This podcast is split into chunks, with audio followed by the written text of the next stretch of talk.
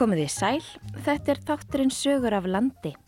Þar sem við flökkum um landið, ræðum við fólk sem hefur sögur að segja, kynum okkur áhugaverða staði og skoðum fréttamál líðandi stundar, oft með nýjum augum. Ég heiti Halla Ólafsdóttir og með mér í þættinum í dag eru Elsa Maria Guðlög Strífudóttir, fréttakon á Vesturlandi og Vestfjörðum og Anna Þorbjörg Jónasdóttir, fréttakon á Norðurlandi. Við viljum að forvittnast um atbyrði sögu og hverstægin sem tengist búsitu fólks í þættinum í dag. Við hittum Snorra Jóhannesson ábúand á augastöðum sem mann vel jarðskjáltarhinn í borgarfyrði 1974. Það var aldrei langur tími sem að voru svona hristingur en svo eiginlega hætti þetta sko eftir stóra skjálta þá eiginlega var farmaður eiginlega ekkert eftir það. Þá hittu við hrísengin Ásrónu Ír Gerstsdóttur í köpstaðferð á Akureyri. Við hríseg þá erum við haldin svona aldursblindu. Þannig að 10 ára krakkar er að leika við 15 ára börn og 16 ára úlingar er að fá 8 ára krakka með sér í fótbolta. Þannig að maður svona, maður lærir að meta þá sem maður hefur kringu sig. Og í lok þáttar höldum við að kirkjuból í Korpudal í undafyrði.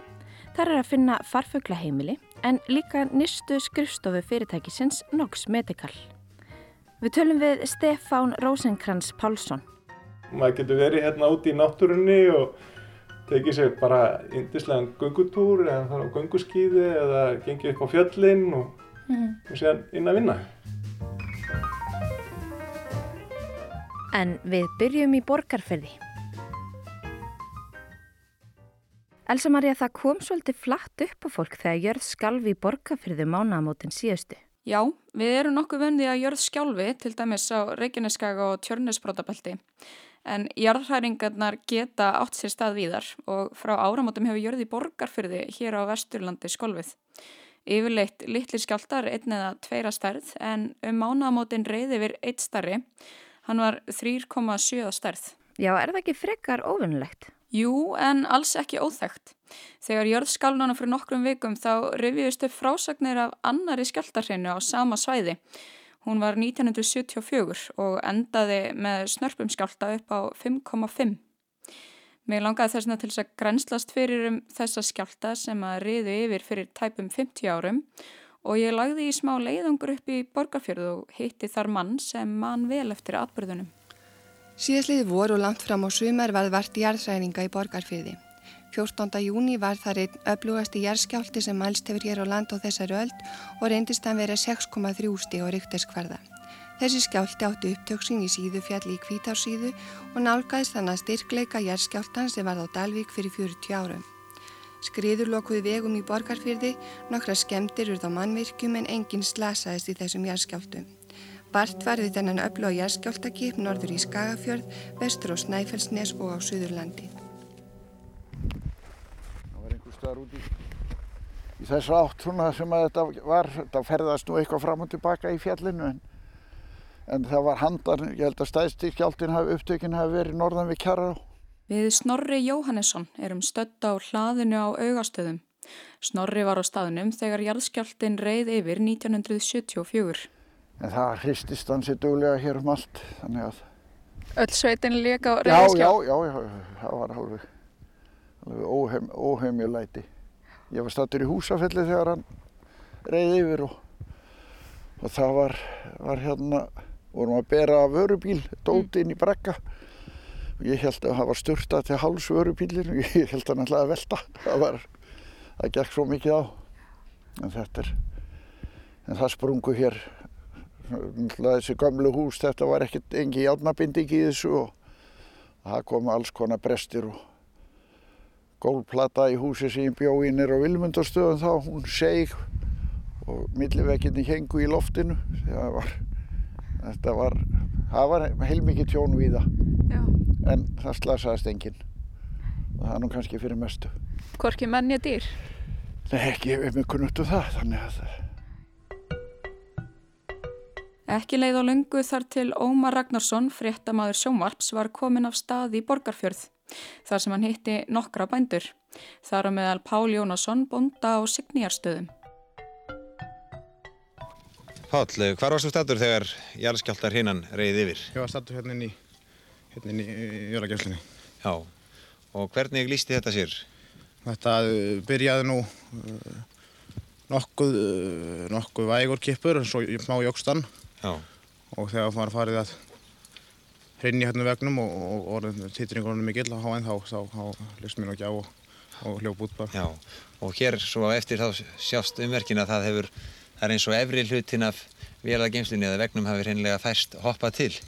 Já, þetta er, sko, þetta er steift uh, og sér og ná. Þetta er steipurskíl hér Já. og það verið stafnin hérst að gengið svo litið fram af Já. og skeggstaðin sperrundar inni. Eitthvað fleira sástu svo mar markvært þegar þú fórst að huga? Já, þegar ég kom hér út að hlæða þá, þá streymdi oljan niður úr tanknum heima, heima þar sem uh, húskyndinguna. Já. Svo þú hefur kannski færið það beint í það að gera við það? Já, ég skrúaði fyrir strax því að, því að hefði ég, þarna vorum 2800 lítur olju, þetta hefði ég mist niður allt saman, hefði, hefði þetta gerst til þess að nóttu til, þá hefði ég mist niður alla þessa olju. Já, en hefur eitthvað orðið vart við kippi hér í dag? Það hefur orðið vart við kippi, já, í allan dag svona, svona minni kippi en, en, en einn, einn og einn hefur nokkur, nokkur sterkurinn. Það er ekki nokkuð geta áætla hvað hann sé, Nó, sé sterkir? Já, skisk á eitt hefur verið svona kring og fjögur stíg. Fjögur stíg, já. Þið hérna í sveitinu eru náttúrulega, náttúrulega orðin vön að meta þetta og vega alveg eins og að, færistu jærskjáltasfræðingar. Það fer að, vera þar þetta búið svo lengi og þá fer maður nokkuð með að geta giska á það. Já, en er ekki orðin halgerið svona leiðindi í fólki yfir þessu sífælda, þessum sífældur hræringum? Jú, það er náttúrulega, maður er orðin leiður að þessu og maður veit að þetta, er, þetta getur verið alvarlegt, þetta getur valdið alvarlegu vegna tjóni. Ef það kom margir en sterkir á þessu sem kom í gæra þá, þá þetta hús hérna, það þólir ekki, ekki marga svona kippi, ég sé það. Já. Borgafjörðurinn, hefur þú alltaf verið hér? Nei, nei, ég er fættur í Reykjavík Já. og var sendur í sveit fimm ára gammal á húsafelli. Hér er Snorri Jóhannesson aftur, ábúandi á augastöðum. Og kom aldrei tilbaka eða þannig má segja, ég hef eiginlega verið hérna síðan, meir og minna. Ólst upp á húsafelli alveg þannig á 14 ára og svo náttúrulega þvæltist ég hinga að hanga í vinnu og, og var alltaf að leita mér að jörð nálagt húsafelli og svo losnaði þessi jörð og 73 og þá stökk ég á það. Og hér byggu feðgar þegar ég kaupi jörðina og þeir höfðu svona ekki, ekki verið mikil, miklir svona framkvæmda menn. Tók vildi ekki taka ramagna á sínu tíma þegar það var lagt í sveitin og svolítið svo. Þannig að þetta var svona hálfgett landnæmastarf. Mm -hmm. En gaman aði líka eftir á, mm -hmm. allavega. Hvernig gekk það að byggja hér upp? Það tók langan tíma, ég var svo skuldrættur og þorði ekki að taka lán en var vittlisa, náttúrulega að gera það þegar átti ekki nokkur skapaðan hlut til í kaupi jörðina og hefði átt að taka lán þá og láta verðbólkuna borgaði niður fyrir mig en, eins og margir gerðu en eiginlega fyrsta láni því ég byggði íbúðarhúsi 84 og þá, þá lendi ég í því held ég að fá eitt af fyrstu lánunum sem var að fullu verðtrykt mm. en þetta hafðist allt svona með ég var á veturna var ég á sjónum og, og þetta var svona ímsöðru veiði eftirliti og veiðiskap og þannig að þetta hafðist.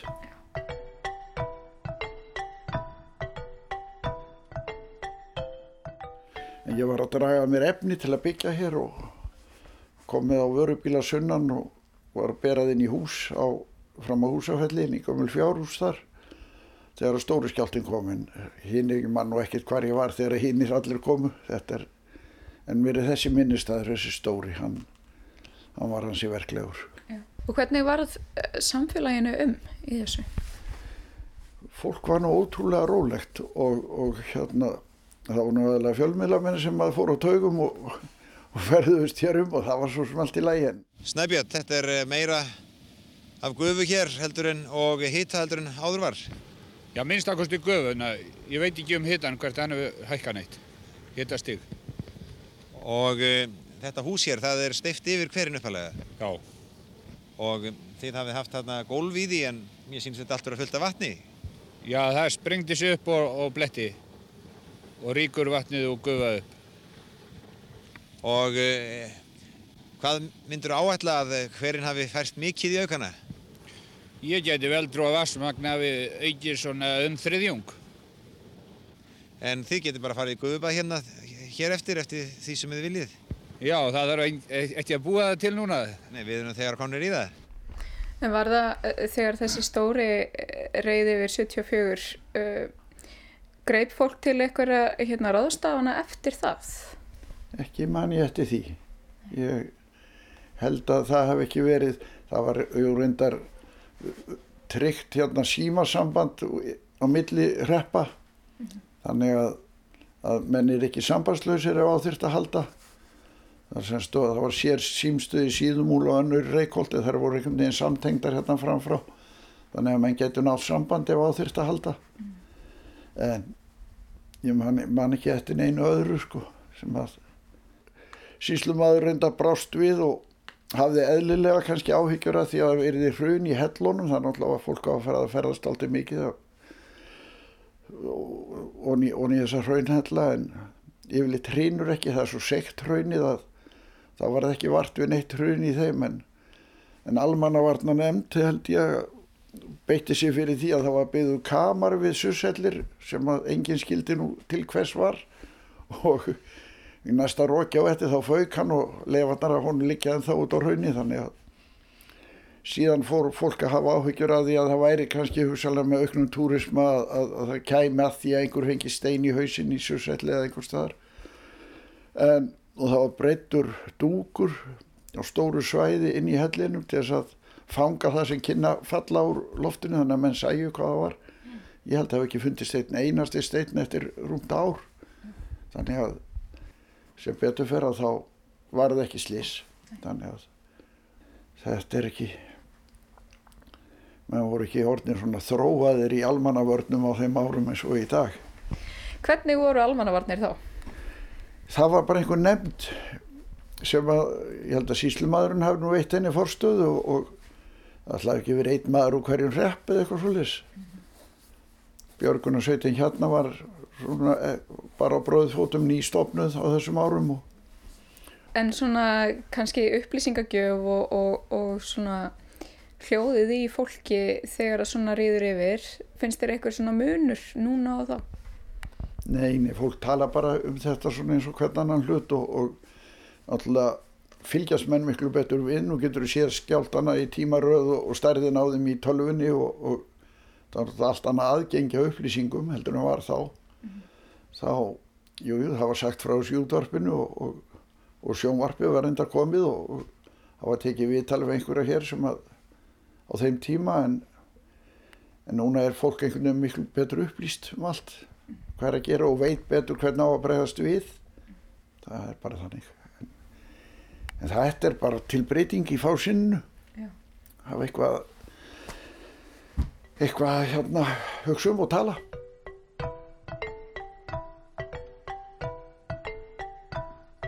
þetta var aldrei langur tími sem að voru svona hristingur en svo eiginlega hætti þetta sko eftir stóra skjálta þá eiginlega var farmaður eiginlega ekkert eftir það. Já, það var svona lokan ykkur. Já, það má segja það, það hefur verið.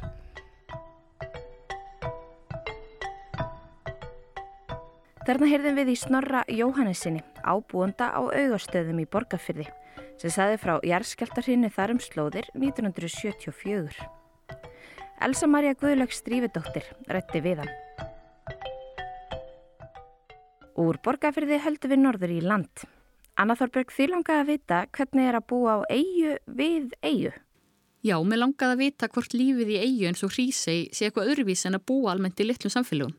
Ég hitti þess vegna hríseiðingin Ásrunni Ír gestóttur í smá spjall þegar hún var í kaupstæðaferð hérna á Akureyri.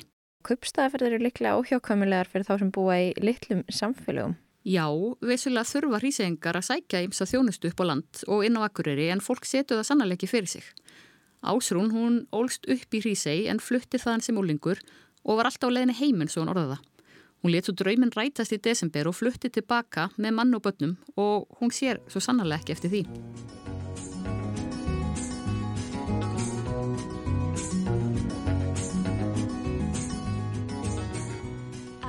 Herru, þú ert komin í, í köpstaðarferð. Hvað, svona, hvað þarfst að koma oft til Akureyrar í viku? Ég kem helst ekki oftar en einu sinni viku og stundum mun sjálfnar er það. Tvísvar í mánu, það er alveg nóg. Ekki tingað að segja? Við höfum allt sem við þurfum út í Hrísei en uh, við erum að gera upp húsið sem við keftum þannig að við erum að fara í svona byggingavöru verslanir og svo er svona einnöðu hluti sem þú færði ekki í búðinni út í eigu og manni vantar hér. Er ekkert svona sem þið saknar við að, að hafa í eigunni? Ég á ættingja og vini hérna á Akureyri og, en ég held ég sáu það jafn oft ef ekki oftar eftir að við fluttum að það er svo gaman að koma til Hrísei. Við höfum fengið fleiri heimsóknir eh, sem við fluttum byrjum mars eh, heldur við fengum held ég síðustu tvö kófur ár samanlagt. Þannig að nei, ég var ekkit á kaffihús á hverjum degi. Finnst það kannski jæfnvel skemmtilegra núna þegar maður fer svona sjaldan inn á, inn á Akureyri. Og hvað ætlar að nýta ferðinni núna? Það er þessi típiska, okkur vantar skrúfur og nagla og spastl og, og mögulega eitthvað til þess að geta gert sushi heima. það er ekki mikið um, um það kannski í hrísi?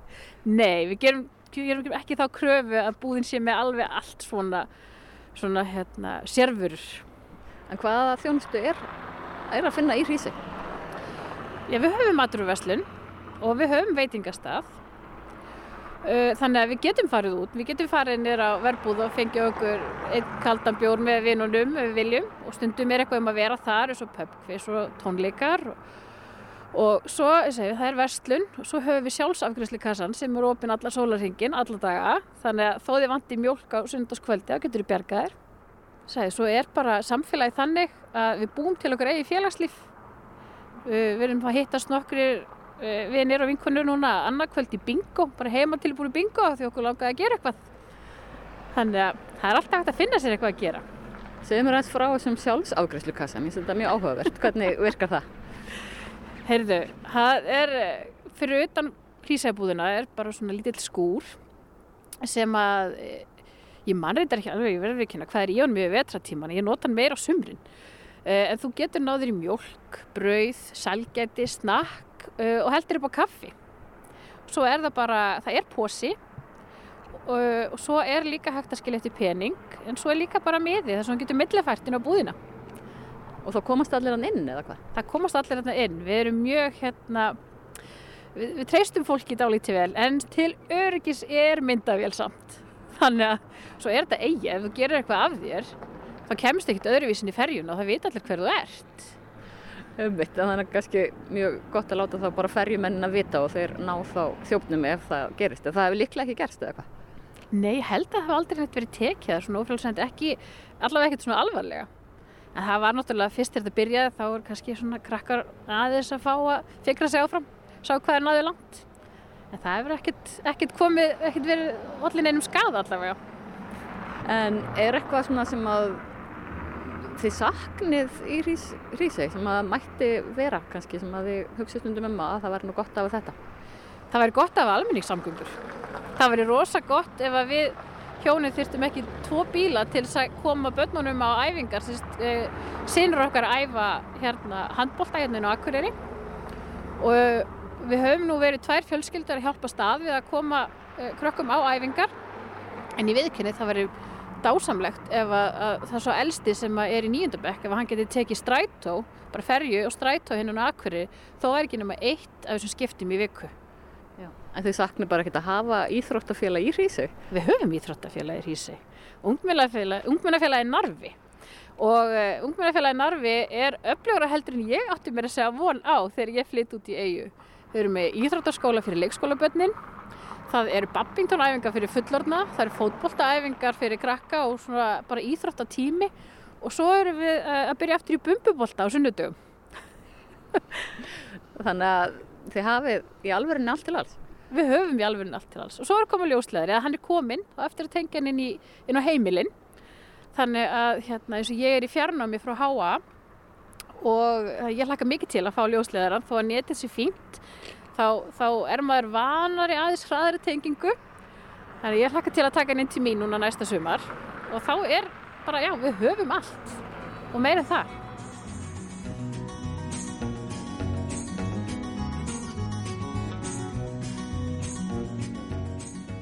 Ert nú komin þessa leið til Akureyra skulum við fá okkur aðeins rölt hérna inn í, inn í bæ sá hvað stórbærin Akureyri hefur upp á að bjóða en alltaf með bíó, það er ekki bíó í Hrísi eða hvað? Það er ekki bíó en ef þið langar í bíó þá bara stekkur í ferjuna og rennir inn á Akureyri og ferði í bíó Þetta er nú ekki löng leið, hvað er þetta langur spotti? Uh, í kílometrum er þetta held ég 32 en er, þú ert svona 25 minútur að keira og ferjuferðin tekur um það byrj kortir. Þannig að ef þú ákveður að fara í bíó 10 minútur í 5 þá ertu mættur fyrir ekkert snemma í 6 bíó. Og ferjan, hún fer nokkur reglulega? Hún fer á tveggja tíma fresti frá 7 mótnana til 9 á kvöldin og ef beðir um þá fer hún 11 á kvöldin líka og getur, getur bara hver sem er beðið ferjunum að, að skullast með sig eða? Á þessum tímum já. Það er bara inn í þeirra, inn í þeirra áætlun nema veist, ég skil vel að þeir þurfi ekki að fara 11 á kvöldin og vera komin heim um miðnætti þá sleppið þeir því en svo er hægt að pantana þess utan en bara með auknum kostnaði þá. Og er ekkert skrítið að vera oft í ferju?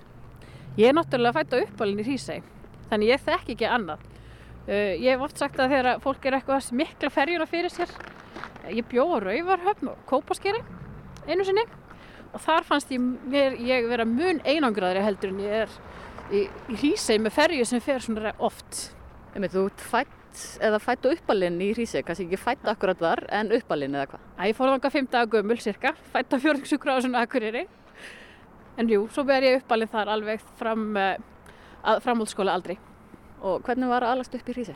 Það er ótrúlega, minningunni er það náttúrulega bara ekkert nema gleði. Maður gleymur yfir því sem mann þótti leðilegt. En það er frjálsræðið, maður er, fóröldrar þurfa að hafa minni áhyggjur, hugsa ég, og finn ég sem móðir. Því að börnin get ekki farin eitthvað að gera eitthvað sérstaklega mikið af sér. Og eh, við í Hrísi þá erum við haldin svona aldursblindu þannig að 10 ára krakkar er að leika við 15 ára börn og, og hérna 16 ára úlingar er að fá 8 ára krakka með sér í fótbolta þannig að maður svona maður lærir að meta þá sem maður hefur kringu sig skiptir ekki máli hvað er gaman hafa allir gaman af fótbolta eða einakrónu Hvernig sér munin á því þegar þú varst lítil og hvernig lífið í hrísið er núna? Munin er náttúrulega sá að það eru færri. Eh, þegar ég er í grunnskóla eru við fleiri en 30, flest voru 43 en þau eru 17 í dag. Uh, þannig að já, munurinn er þá að það eru færri en annars finn ég persónulega ekki droslega mikinn mun. Þú veist ég á mína vini í Hrísei og vinkonur og það vantar þorrablótin akkurat þess að dana en annars finnst mér þetta mjög bara svipað það er, uh, mér finnst vera meiri jákvæðinni allavega í okkur svona yngra fólkinu að við erum mörg búin að vera að koma aftur heim síðustu tvö árin. Þannig að mér finnst það kannski hafa breyst þegar ég er allast upp þá er, er það þegar kea selur allt og fer og, og fólk fór að missa vinnuna og, og það var svolítið svart síni um tíma. En það er allt til betri vegar núna. Og af hverju? Hvað gerist? Ég held, eh, fyrir utan það, við sem verum fætatna uppálinn, við höfum bara svona rosalega sterk tengsl við eiguna að þá er það líka að fólk er að átta sig á því að þú getur gert svo margt hvar sem er. Þú þarft ekki að búa á Akureyri eða í Reykjavík. Ef þú mentar þig þannig að þú getur unnið fjárvinu, þá getur þú verið hvar sem er. Og eins og við gerum þetta, sko, maðurinn minn fer e, í land, hann vinnur í landi og meðan ég stundar nám, bara í, í gegnum tölvuna út í eigu. Og þetta er svona, ég segi, þetta er svona pínu veitundavakning. Bæði það að fara á milli er ekkert svona erfitt, það er ekki svo mikið mál og fyrir þá sem að geta, þá geta þau verið í fjárvinu í eigunni. En þú fluttir hérna á úlingsárum upp á land en af hverju ákvæmst að koma aftur? Ég hef alltaf sagt það alveg frá því ég fór hef ég reynd að vera að koma tilbaka. Tengingin mín við Hrísei hefur alltaf verið mjög sterk uh, og mér hefur alltaf langað að búa þar. Ég verið pínur hrætt við það, ég viðkenn það líka. Pínur smeg við hvað þú maður að gera, við hvað ætti að vinna og þarf allt það að framfyrir göttum. En svo kynntist ég manninu mínum og hann er svona út á landi típa eins og ég og fannst Akureyri bara alveg í það stæðsta rétt eins og mér. Það tók mér dold til langan tíma sannfærinum að Hrísi væri það málið eh, en eftir að hann er búin að vera að koma þar í frí með mér og fara í heimsóknir þá sá hann hvað þetta var gott, gott samfélag og svo líka þegar það fór að fjölga yngra fólki þá sá hún líka að þetta væri alveg hægt og við getum hérna átt félagslif og þá samþekkt hann að flytja þannig að ég segi, ég hef bara einhvern veginn ég hef alltaf verið á leiðinni heim alveg frá því ég fór Og hvað ertu búin að vera lengi núna eftir þú flyttir? Ég- flutti, við fluttum núna bara í byrjun desember eh, 21. Hann er ekki komið reynsla á þetta ennþá eða hvað? Við erum ennþá á bara bleika skíunu, þannig að það er ekki komið lengri reynslu en það. En við erum samt, höfum alveg rætt það, við erum mjög ánægð með þessa ákvörðun. Og þú átt uh, einhver börn, hvernig lagðist þetta í það að flytja til Hríseyjar? Já, ég á þrjú börn og þau eru núna í öðrum fjórðabekk og níundabekk. Uh, Sinir mínir sem eru þá núna nýjórun 8 og verða 15 ára, þeir voru alveg til í þetta. Þeir eru mjög spenntið fyrir þessu. Elsti strákurinn minn er hérna, er svona bara eins og mamma sín og bara svolítið svona, vill vera ekki alveg í fjöldanum. Þannig að hann hérna, hefur alltaf verið uppeldið sko, alltaf verið svo mikill hrísengur. hérna, honum fannst þetta bara mjög spennandi. Yngri stráknum mínum fannst þetta líka mjög spennandi og skemmtilegt. En dóttir mín var, hún var mest efins, en hún líka sko, hún að verða tí ára, þannig að hún á sinn, sína vinkonur og vini hér á Akureyri og búin að vera að æfa fótbolta í nokkur ár og það var erfiðast fyrir hana. En hún er mjög sátt í dag. Er þetta svona stórt stökk að fara úr stórum skólum á Akureyri og í litla skólinn í Hrísey? Þetta er gríðalegt stökk. Alveg eins og er fyrir þá krakka úr Hrísey að fara í stóra skóla. Því að eins og stelpan mín, hún fór úr, þau voru 42-3 í bekknum hennar og hún er einn í árgangnum sínum núna út í eigu. Þannig að hérna, en eins og segi, þá eru þau búin að læra þau líka. Það eru þá bara allir vinir. Það er alltaf lægi að leika við vinkonu sína sem er í fyrsta bekk, þú myndi kannski ekki gera ef þú væri í fjórða bekk á Akureyri og, hérna, og eiga vinkonu sem er ári eldri það er bara, það er bara fínt það þurfi ekki allir að vera jafn gamlir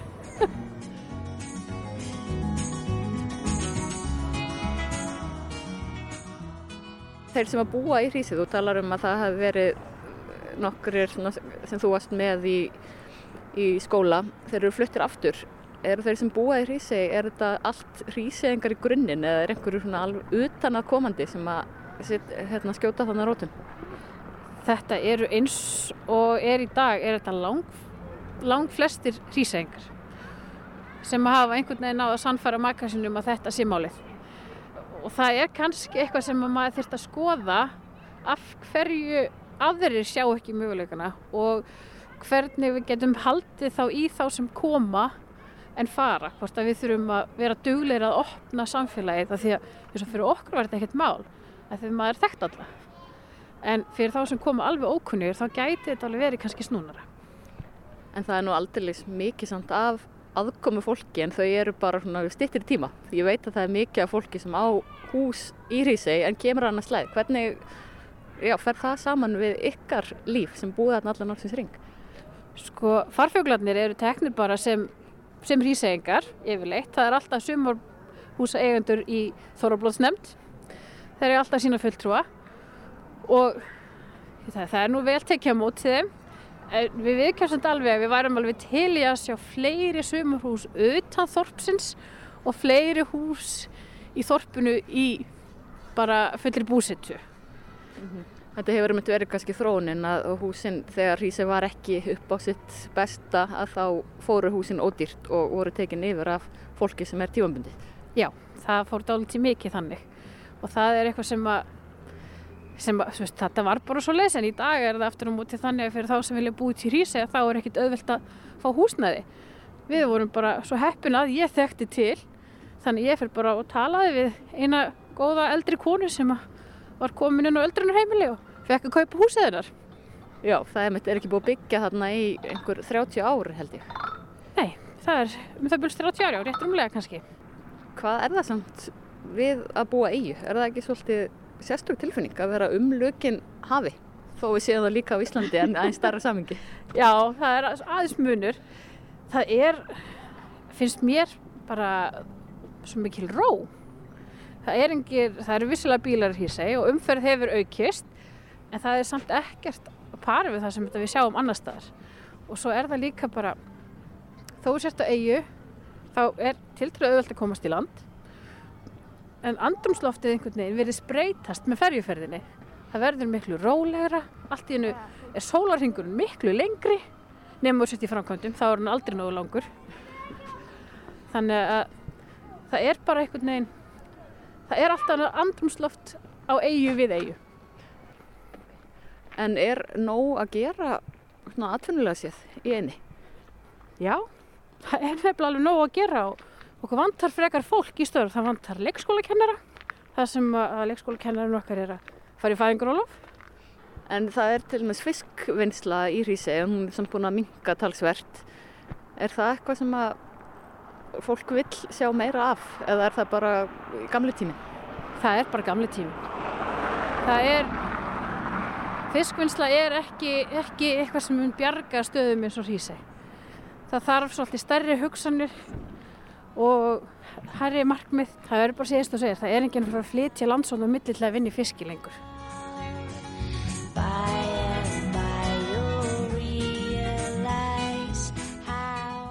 Það er, hefur verið að aukast núna að fólk er að fatta, það er uppvitað hrísei. Það er nefnilega alltaf þannig að það eru lúmst margir akkuröringar sem hafa aldrei komið út í eigu. Það var nú verið að segja mér frá því að það átt að senda lítinn post út í eigu og hérna frá akkuröri og manneskjan spurði hvort hann ætti að setja henni í flög og benda að það flý ekki flugvill til segjar. Þannig að hérna, dagsferðum fer fjölgandi en það er samt en þó svo að sé ekki allir búin að uppgöta hvað er þægilegt, gott og auðvelt að skrepp út í hríseg fólk er kannski að ruggla saman hrísu og grímsi. Það hlýtur eiginlega verið í þessu tilfelli.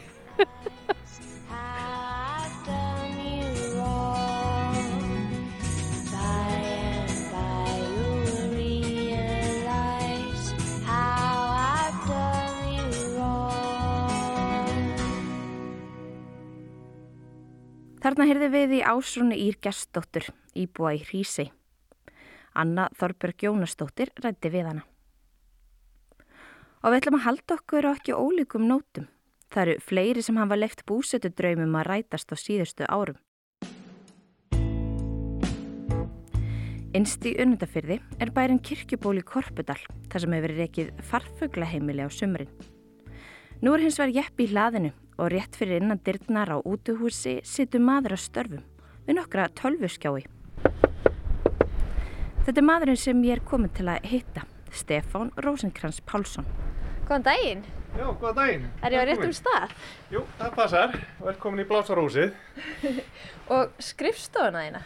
Já, hérna er ég með vinnuðarstöðuna mína. Þetta er hérna nýsta skrifstofa, Nox Medical.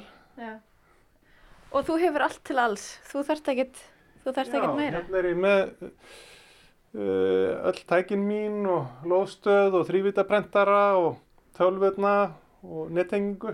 Já hérna get ég gert allt sem ég mögulega þarf að gera. Við fáum að vita eins meir um starf Stefans hjá Nox Medical á eftir en röldum yfir í íbúarhúsið þar sem kaffevélin er sett af stað. Ég heiti Stefán Rósengrans Pálsson og við erum stödd hérna á Kirkjubóli Korpudal í Undafriði. Já. Hvað hús er þetta og, og hvaða hlutverk hefur þessi staður? Sko þetta er í rauninni ættaróðalið fyrir fjölskyldun okkar og það var uh, langaðið minn sem byggði húsi hérna. Hann var uh, hákallaviði sjómaður, skipstjóri á hákallaviði skipi, skútu um kringum 1880-90 á Flateri. Mm -hmm. Og fyrir þá peninga þá keipti hann jörðina hérna kirkibólkjörn í Korpedal. Já. Og hann byggði síðan húsi hérna 1911 og þetta var eitt af fyrstu steinhúsunum í undafyrði. Og það hefur örglega verið mikið mála að byggja þetta hús hér á þessum tíma? Já, það voru sko engir vegir hérna og þeir komu með allt efnið í húsið á bátum upp ána og dróði þetta henga upp eftir á hestasleðum í, um veturinn. Já. Og síðan var þetta sleið upp og steift um sömarið og til þess að blanda steipuna þá var steipan sett í svona stóra tunnur og snæri sikkur megin og síðan voru það hestar sem að dróðu bönd út sikkur meginn til þess að blanda steipuna. Áhugavert. Þessi mynd, hvað er á þessari mynd? Já, þetta er uh, mynd sem var tekin af kirkjubóli 1910. Þetta var að gamla bænum hérna og á myndinni er uh, Pál Rósinkransson, langaðið minn og skúlina hlýf Stefán Stóttir sem voru húsverið á kirkjubóli. Nýja húsi var byggt utan um gamla húsi.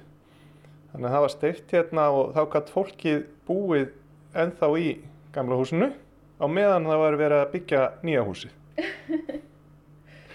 og hérna eru uh, afkomendur þeirra og vinnufólk og annað fólk sem var á svæðinu. Það eru rúmlega 20 manns eða fleiri á þessari mynd. Kirkiból var tvíbili í langa tíma mm. og síðan náttúrulega í innfyrinum hérna bjó um 120 til 150 manns á þeim tíma og það var meðal hans uh, barnaskóli hérna undir hesti í hestvarpinu.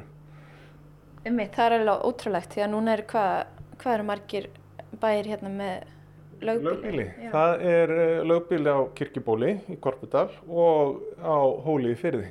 Ummitt. Bara tvö eftir sko. Já. Þetta var langafiðinn? Já, það var uh, Pál Rósenkransson. Já, og, og svo hafa kynnslöðunar haldið áfram að vera hér eða búa hér allavega ykkur leik? Já, síðan var það Stefán Rósenkrans Pálsson, alnafni minn, sem að tók við af honum á kirkibóli. Hann, hann var bóndi hérna og söðlasmiður byggði tvær ramagsvirkjanir hérna meðal annars Já. og eh, pappi og sískin hans þau eru all fætt og uppalinn hérna og pappi fættur hérna inn í borstofunni hjá okkur meiri sér Mitt. en þau fluttu all söður og bygguð þar sko mm -hmm.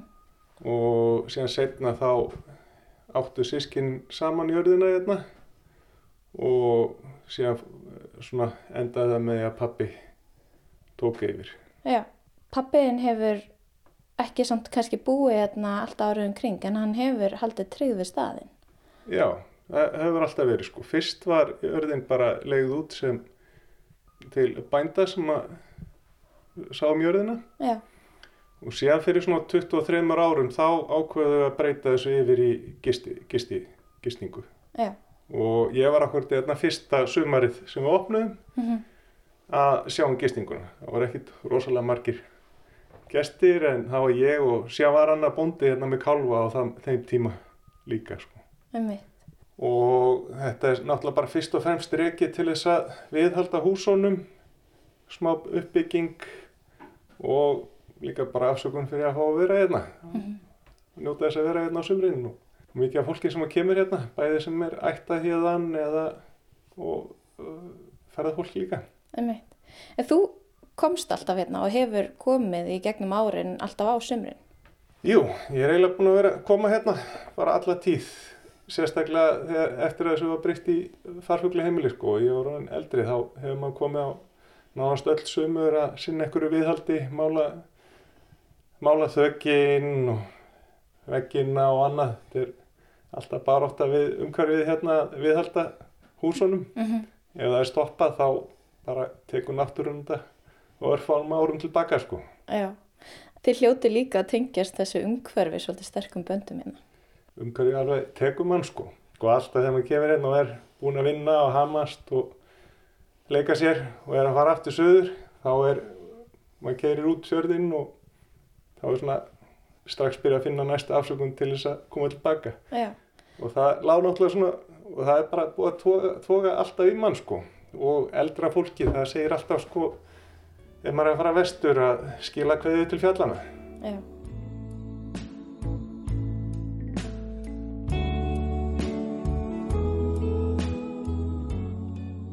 Þið núna tóku samt ákverðun um að, að hætta að finna afsökun og bara finna ástæði til að flytja vestur?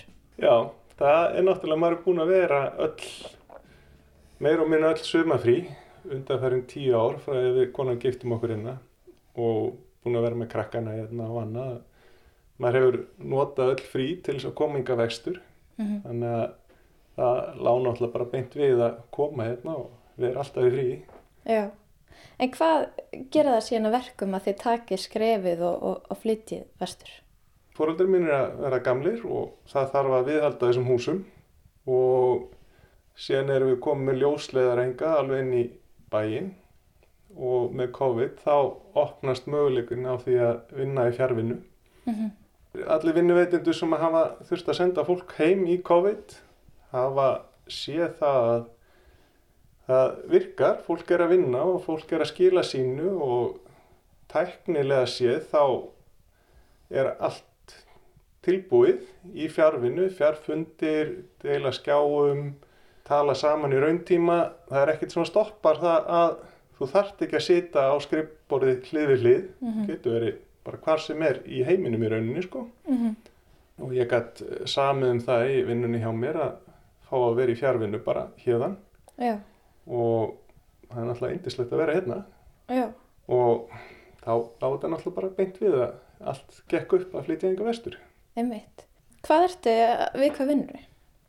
Ég vinn hjá Nox Medical við erum að gera svona svefnrannsóknar og mælitæki Og hver er svona þinn, þinn þáttur í því? Ertu þá að vinna við forritun á mestu leita eða hvað? Já, þetta er svona embedded forritun það er þá forritun á sjálf mælitækin Já mentaður eh, ramags og tölvuverknæðingur. Ummitt.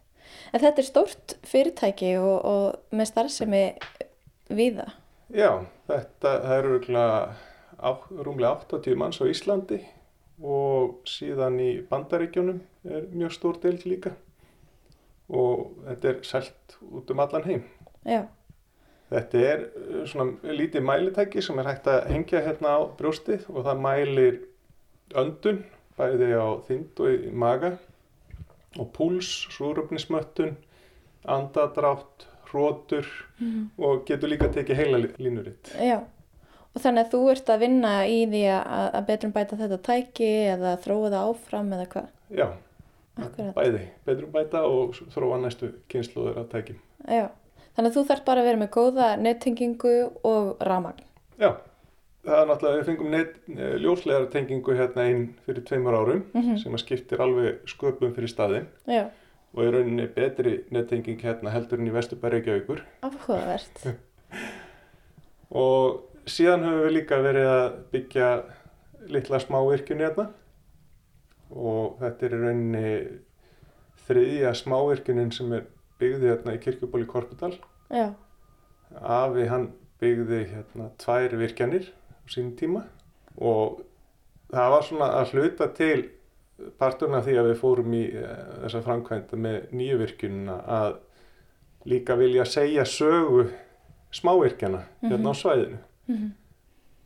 og mér langar að setja upp svona smá sögu lýsingu í stöðurhúsinu þannig að við getum sínt gestum gerst svona sög, sögurúnt hérna sínt gestum hvernig þetta er búið að þróast hjá okkur frá fyrstu tveimu virkjunum og síðan í þessa núna og þá verður orðin væntalega sjálfbærum orgu hérna á kirkjubóli. Hverju breytir það fyrir ykkur að vera með sjálfbærum orgu? Það breytir náttúrulega bara gríðarlega miklu vegna þess að það er rosalega dýrt að kinda og, og rafmagn hérna út í sveitinni mm -hmm. og þetta er bara eiginlega grundföllur fyrir áframhaldandi viðhaldi og uppbyggingu á staðnum að geta fengið og byggt upp svona okkar eigin orku og líka fyrir gersti sem eru að koma á farfuglaheimili hjá okkur að vera að staðunum sé sjálfbær Já. það er bara mjög gott að vera með það sko Einmitt.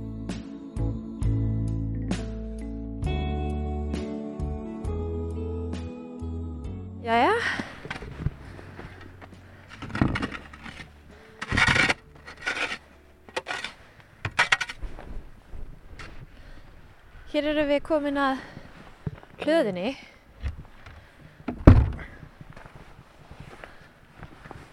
Já. Það var svona verkefni sem við byrjuðum hérna 2010. Vá. Wow. Þegar við konan giftum okkur. Já.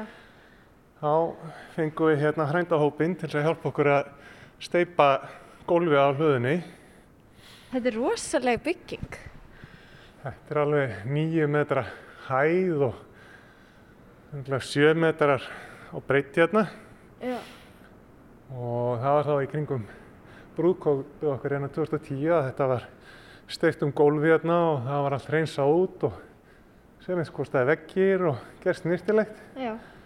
Og svo erum við með hérna svona raukt teppi á sömurinn yfir öllu gólfinu Já. og hýta lampa og svona. Þetta er svolítið mikið svona hlöðu stemning hérna. Æðislegt. En hér var sem sagt mikill búskapur vendarlega um tíma. Hvaða búskapur var hérna? Það var náttúrulega fyrst og fremst kindur og e, beljur og kálvar. Já. Og þá var, var í rauninu jörðinu leið út eða hvað? Já. Með vorunu fer þetta eða lífið eða hvað? Já, já, þá byrja allt að vaksa og dafna og... Mm -hmm. Og teppi sett út? Teppi rúla út á hlöðuna. Já, og barinn og allt mögulegt? Já. Við erum með hérna, myndvarpa líka hérna, það var mjög mikil stemning hérna á Európa-kemnin í Hóbolta. Já, aðeinslegt. Og hvað getið þið tekið á móti mörgum gestum? Gistiheimilið, við erum með gistingu fyrir 24 í gamla húsinu Já. og 8 til 10 í sömarhúsinu. Svo erum við með tjaldsæði hérna líka á túninu og þjónustu hús með klósettum og sturtu fyrir það og síðan hafa gesti líka bæði á gistingunni og tjaldsvæðinu aðganga hlöðunni hérna mm. og við erum með grill hérna úti sem er í bóði fyrir fólk að nota og oft bara mjög góð stemning hérna og skemmtilegt á sömbrinn. Já, og eins svona ákaft og veðri getur verið á vituna þá getur það verið mjög blítt og gott á sömbrinn. Það er alltaf æðislegt að vera hérna á sömbrinn við erum alveg innst inn í botninum á fyrðinum Já. og það koma oft svona algjörar kvöld, stillur mm -hmm. og rosalega fallegt uh, sólalæðið hérna mm -hmm. fram eftir öllu kvöldi. Mm -hmm.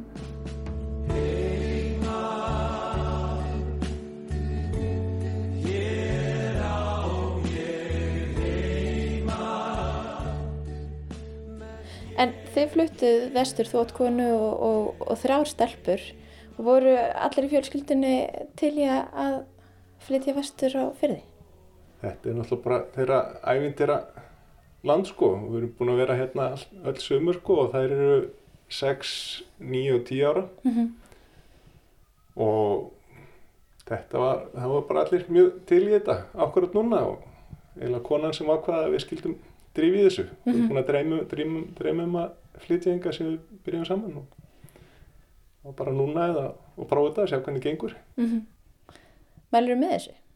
Þetta er æðislegt. Þetta er bara æðislegt og maður getur verið hérna úti í náttúrunni og tekið sér bara indislegan gungutúr eða gunguskýði eða gengið upp á fjöllin og, -hmm. og séðan inn að vinna.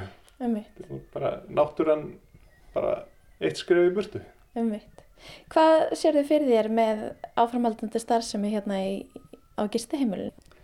Við viljum náttúrulega bara halda áfram þeirri þróun og því sem að fóröldra mínir hafa byrjað að byggja upp hérna og við halda reyka gistiheimilið og við halda húsónum og mm -hmm. vera hérna sem mest og njóta þess að fá gest, gesti og vinni í heimsókn og vera hérna. Þetta er mm -hmm. náttúrulega bara indislegur ævintýra staður og upplifun að koma hérna. Já, og þið opnið dyrtnar fyrir gestum hvað í mæ eða eitthvað svo leiðis? Já, við höfum opið frá 20. mæ til 15. september mm -hmm.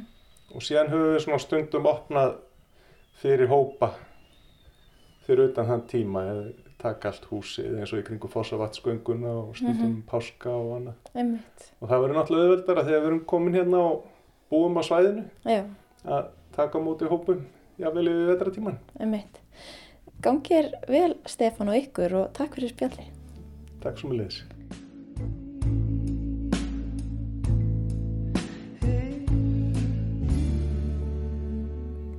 Þetta var Stefán Rósenkrantz Pálsson sem let draum fjölskylduna rætast og flutti nýlega vestur. Þá kom að lokum hjá okkur í sögum af landi í þetta sinn. Auk þess að haldað kirkjubóli í Korpudal í undarfyrði hittum við hrísengin ásónu Ír Geststóttur sem sað okkur frá eigalífinu. og þá rifjaði Snorri Jóhannesson á augastöðum í Borgarfyrði upp jarðskjáltarhinu fyrir nær 50 árum. Teknum að þáttarins var Lítiða Gretarsdóttir og eins og vanalega minnum við á að þennan þátt og fleiri þætti af sögum af landi má finna í spilara rúf og í öllum helstu hlaðvarpsveitum. Við þökkum þeim sem hlýttu, lifið heil.